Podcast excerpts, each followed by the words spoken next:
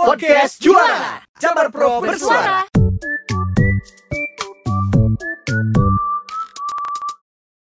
Assalamualaikum warahmatullahi wabarakatuh. Sampurasun wargi Jabar Selamat datang di podcast Juara Jabar Prof Bersuara. Dan kali ini ada saya Sizi Yang akan membahas salah satu program pemerintah Jawa Barat Yaitu Jabar Saber Hoax. Nah biar lebih lengkapnya lagi di sini sudah hadir pula Kang Reta Aquila Halo Kang Halo. Ini uh, Kang Reta ini sebagai koordinator dari Jabar Saber Hoax itu sendiri ya. Nah, tapi untuk uh, wargi Jabar mungkin yang belum tahu tentang Jabar Saber Hoax itu apa, mungkin Kang uh, Reta boleh kenalan dulu dong sama wargi Jabar. Assalamualaikum Sampurasun wargi Jabar atau warginet kalau biasa jasa oh, wargi nih. ya. Oh iya iya oke oke. Eh, jadi Jabar Saberok itu sebenarnya satu unit kerja di bawah dis, eh, di bawah Diskominfo Jawa Barat, Provinsi Jawa Barat ya.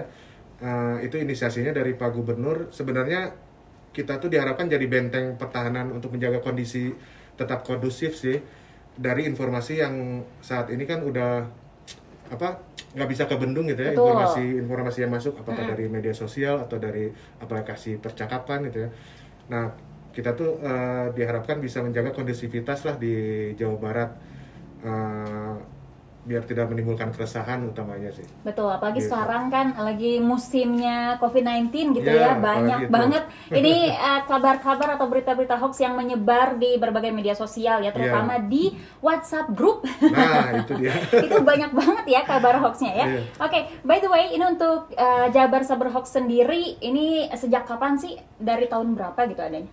kalau kita itu diresmikan itu sama Pak Gubernur nggak lama setelah eh, Pak Gubernur dilantik ya waktu itu tahun 2018 kita di launching itu tanggal 7 eh, tanggal 8 sorry 8 Desember 2018. 2018. Jadi ini udah tahun jalan tahun kedua lah. Oh, Oke, di- kalau Kang Reta sendiri dari tahun sama sama di 2018 itu ya? 2018. Oke, dari 2018 sampai 2020 sekarang bulan Juni udah ada berapa berita hoax? Wah, untuk tahun 2019 aja kita udah nerima 5.800-an aduan. oh. 5.800 aduan untuk eh, saat ini sampai bulan Mei ini kita kita udah hampir nyamain tahun lalu karena mungkin efeknya efek eh, ini ya apa pandemi, Pandemi, sekarang ya, covid sekarang COVID. jadi banyak masyarakat yang menanyakan gitu apakah informasi ini benar atau tidak terutama terkait dengan covid. Oke, tapi kalau dari Jabar Saber Hoax itu sendiri sebenarnya tugasnya tuh apa aja sih divisi-divisinya gitu?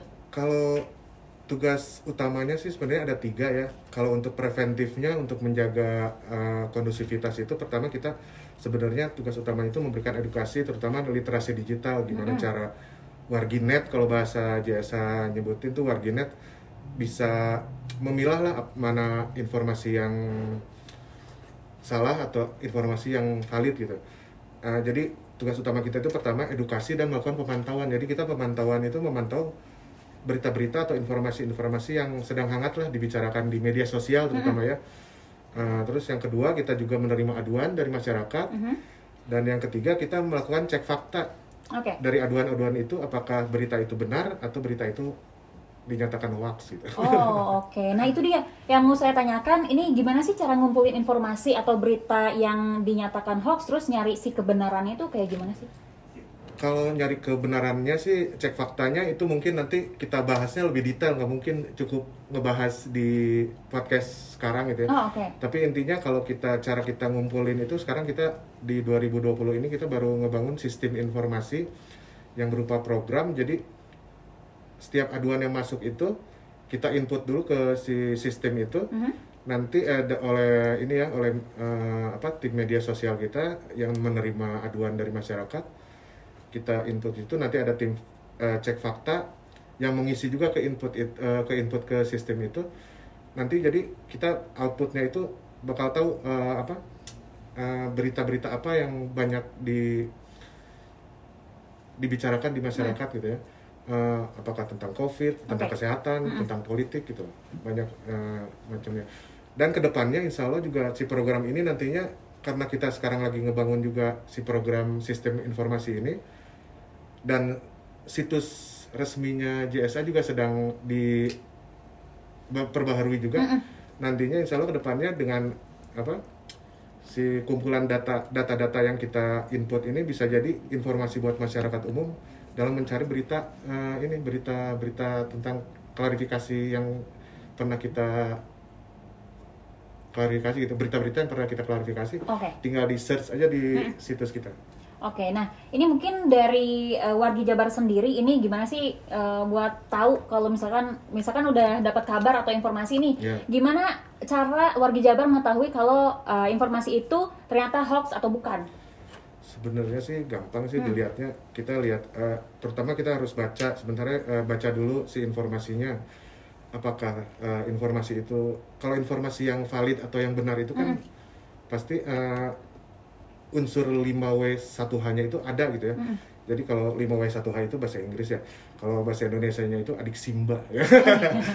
Tapi yang saya tahu Iya. Simba nggak punya adik ya. Hmm, Enggak, enggak, ya. Dia bungsu. Jadi nah, adik Simba itu jadi apa informasi itu ada kejelasan apanya, di mananya, kapannya, siapa yang sumbernya dari mana, mengapa dan bagaimananya itu. Oke. Pokoknya unsur 5W1H itu harus ada di informasi yang valid. Kalau misalnya tidak ada kelima unsur itu ya patut dicurigai tapi belum difonis hoax ya, tapi masih patut dicurigai dan karena vonis hoax itu keluarnya setelah kita cek faktanya.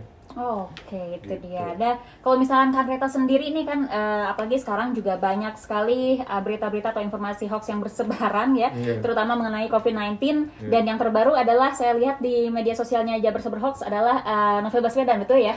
Oh iya, lagi rame juga. Lagi rame nih sekarang nih ya Pak Wargi Jabar. Nah, ini kalau misalkan Reta sendiri pernah nggak sih dapat eh, kayak broadcast message gitu yang berisi informasi hoax gitu? Oh kalau saya pribadi sih sering banget Sering ya, ya? apalagi di grup. Bukan saya bukan kan- yang aduan tapi ya, Ya, bukan, bukan, ya. pribadi ya, pribadi ya. pribadi. pribadi kalau saya kan masuknya ke, ke generasi X mungkin ya saya jadi dari zaman analog sampai zaman digital sekarang mengalami gitu ya jadi mungkin mulai-mulai berita-berita yang berupa broadcast message itu zaman BlackBerry mungkin Jadi ya Allah, ya. Sisi ngalamin nggak tuh Ngalamin, ngalamin dong. kan nah, Iya. itu. karena Secara tapi umur, ah. saya individu sih nggak emang sangat berhati-hati ya Hmm. karena kan saya eh, mengalami masa transisi itu jadi saya sangat berhati-hati apakah mau nge-forward gitu ya. Nah, itu dia. jadi emang udah ada dari dalamnya udah udah males gitu kalau misalnya forward. Apalagi paling yang saya takut itu kalau misalnya udah broadcast message yang itu sebarkan eh, doa ini Oh, iya. kalau enggak Kalau kita enggak, masuk neraka iya, nah masuk itu paling neraka. saya Ya, ya itu yang itu yang saya Itu sebarin saya nggak ngerti sih siapa yang pertama bikinnya ya Allah ya Iya, gitu. tega-teganya. Tapi kalau misalnya udah dapat uh, broadcast message kayak gitu, biasanya Kang Reta cari dulu faktanya gitu ya, rajin banget buka internet atau langsung percaya gitu aja terus malah di forward juga ke orang lain apa gimana? enggak sih kalau saya pribadi enggak, Nah, jadi ya karena dulu zaman dari zaman dulu enggak enggak enggak itu saya komen di media sosial aja sangat ngejaga gitu apa jadi emang nggak nggak terlalu ini gitu apa jadi nggak nggak main forward forward aja gitu Oh ini seorang netizen yang baik Ah, hati bijak, ya, bijak. bijak ya. bijak. Oke, tapi kalau Kang Reta sendiri pernah kemakan hoax nggak sih? Nah lo, contoh pribadi misal- pernah oh, sih pernah. pernah Apa tuh? tapi apa tuh? Apa tuh? nggak pribadi ya paling yang doa doa itu kan itu kan belum tentu juga benar kan Iya sih. tapi yang pernah lucu ini bukan lucu ya ya sedih juga sih JSA justru Jabar Sabar Hoax yang eh, pernah nerima aduan berupa waktu itu pernah dua kali juga berupa ah, ini apa wafatnya tokoh nasional gitu. Hmm, hmm. kita tiga hari sebelumnya tepatnya tiga hari sebelumnya kita dapat berita itu kita langsung klarifikasi bahwa berita itu hoax. Tiga hari kemudian tokohnya meninggal. Nah jadi kesimpulan saya itu hoax hari ini belum tentu hoax di tiga hari berikutnya Itu gimana tuh pas eh, kita klarifikasi lagi. Oh, klarifikasi kita lagi klarifikasi- ya. klarifikasi lagi. Karena kan waktu itu aduannya tiga hari sebelum kejadian itu ya. Pasti di hari tiga hari sebelum itu ya masih beritanya masih hoax kan. Ternyata ya akhirnya ya kita jadi bikin konten ini aja apa berduka cita, Berduka gitu, cita, ya. gitu. Oh oke oke oke. Nah ini kalau misalkan eh, ngomongin ke grup WhatsApp lagi nih wargi Jabar ya karena ini yang banyak sekali dialami oleh wargi Jabar yang pasti di grup WhatsApp misalkan eh, keluarga besar Iya, ya. betul. Biasanya kan kalau eh, bisa dibilang orang tua ya atau Iya. enggak bapak ibu saya lah contohnya Iya. ya. Ini kadang-kadang di WhatsApp group tuh suka nyebar eh, forwardin berita-berita Iya. yang kayak gitu yang kayak hoax-hoax gitu. Terus gimana sih cara ngasih taunya yang baik dan benar gitu? Ya pasti kalau ke orang tua sih pertama harus sopan ya. sopan dan nggak nggak menggurui. Nah itu yang paling susah kan. Iya, betul. Nah, jadi Nah, eh, kalau saya sih, kalau saya pribadi, kalau udah misalnya ada uang saya atau orang tua saya menyebarkan atau yang masih indikasi ya, indikasinya hoax belum tentu hoax juga kan. Eh, minimal ya kita cari dulu lah resume dari si informasi yang disampaikan itu apa. Mm-mm. browsing aja sih browsing kalau misalnya udah diliput sama media mainstream Mm-mm. ya mungkin kita bisa kasih link media mainstream tersebut Oh, oke. kalau misalnya kita nggak nemu ya kita uh, seenggaknya nggak dulu komen lah sebelum kita punya argumen gitu nggak dulu komen nggak dulu apa apalagi orang tua gitu yang ininya jangan dulu komen jangan dulu apa sebelum kita punya bukti lah Mm-mm. bahwa berita itu tidak benar gitu Iya. jadi apakah browsing dulu ya kalau misalnya mentok-mentok ya adukan aja ke JSA kalau misalnya nggak nemu Saya takut kan kalau orang tua terus Iya. kita menyangkal kan takut durhaka Iya, gitu ya. nanti dicoret dari list warisan Waduh, ya. bahaya itu yang bahaya sih yang dapat warisan.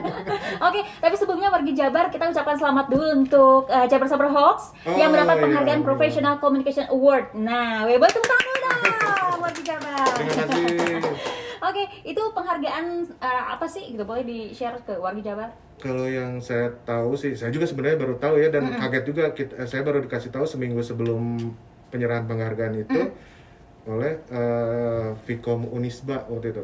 Jadi Pika Award itu merupakan penghargaan tahunan yang dibuat sama Vkom Unisba ya dalam rangka dia kasih penghargaan dalam rangka miladnya gitu. Jadi eh, ulang tahun ulang tahun Vkom eh, Unisba.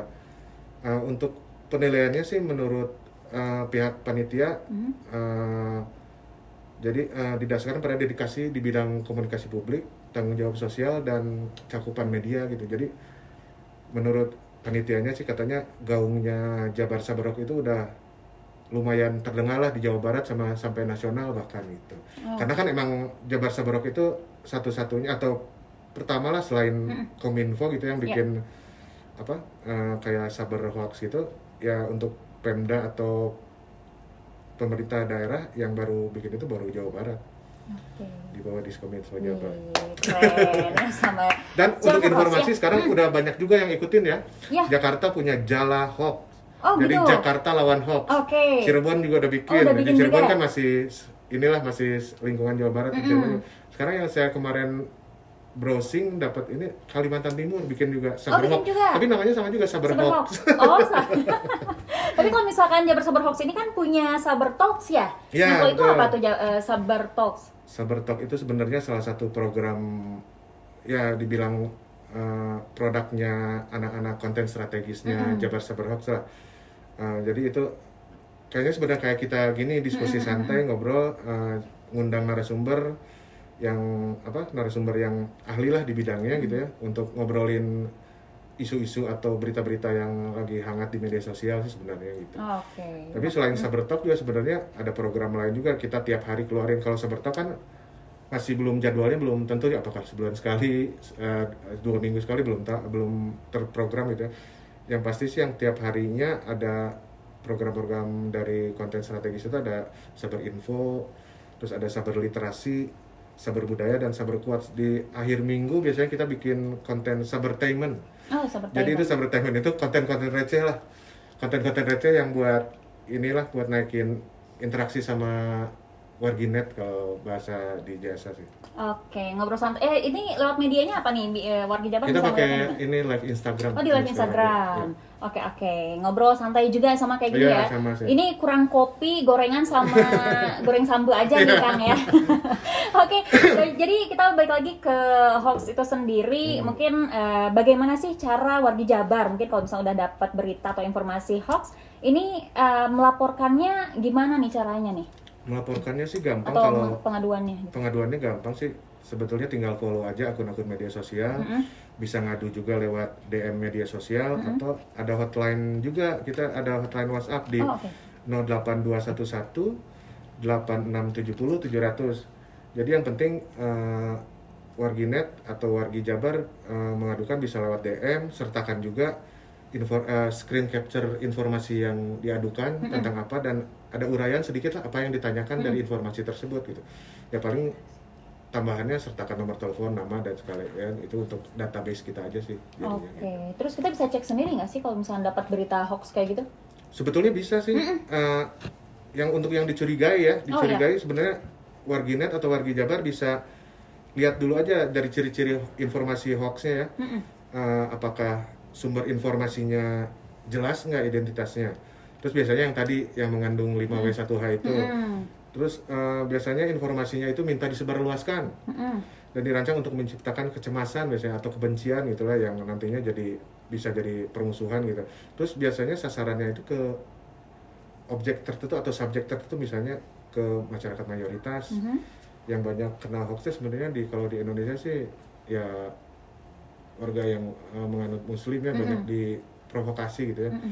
sama orang perkotaan kalau orang desa kan masih jarang juga yang pegang media sosial ya. Oke, itu dia. Nah, mungkin dari eh, Kang Reta sendiri pernah nggak sih kesulitan nyari satu informasi gitu buat nge apa mengklarifikasi?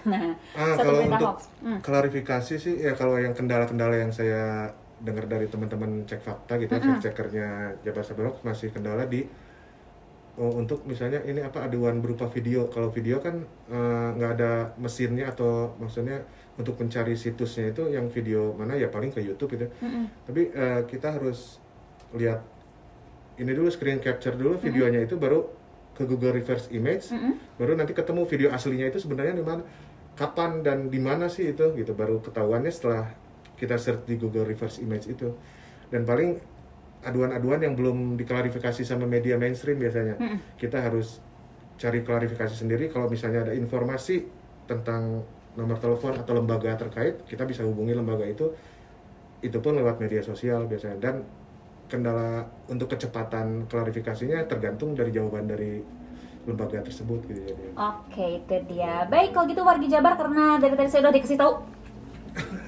Habis, waktunya habis kurang ya. lama ya Kurang lama ya, padahal saya masih ada ya 100 pertanyaan lagi lah kira-kira ya. kita lanjut kita lanjut jadi kita nanti collab aja ya Oh, boleh dong. rencana kita collab aja Saber Ditunggu Talk aja. dan podcast juara Betul. Ah, oke Siap, mantap. Oke, terakhir nih berarti closing statement dari Kang Reta sendiri, terutama untuk wargi Jabar sekali lagi yang uh, dapat berita hoax nih. Ini harus gimana nih? Apa langsung forward? Apa gimana caranya gitu? ya resume dari yang tadi saya obrolin sama Sizi Mm-hmm. ya paling intinya jangan langsung forward Mhm. uh, informasi-informasi apalagi yang tidak mengandung di 5W1H itu jangan langsung forward kita coba cek fakta dulu sendiri kalau untuk tahu cara cek fakta sendiri ada juga di konten-konten edukasi kita nanti kita juga posting-posting juga paling itu ya Oke. untuk ini ya mah paling kita bareng-bareng aja hantam hoax Hantam hoax ya. Oke, boleh langsung di follow Instagramnya juga di Ya di Facebook ada official.jabarsaberhoax Eh, untuk Twitter, Instagram sama Line kita @jabarsaberhoax. Ya untuk nomor hotline-nya tadi yang di 08211 8670 700. Oke, sip Gitu. gitu. Terima kasih untuk Kang Reta Akila, koordinator Oh, iya. Jabar Saber Hoax. Reta Aquila ya. Aquila, ya. Aquila. Aduh. Atur nuhun Kang Oke, Reta. sama-sama. Oke, wargi Jabar. Nanti kita ketemu lagi di podcast Juara Jabar Prof bersuara kira-kira sama siapa? Komen dulu dong ya. Pengen nanyain tentang apa sama siapa? Boleh komen di sini. Jangan lupa di-subscribe juga. Assalamualaikum. Salam.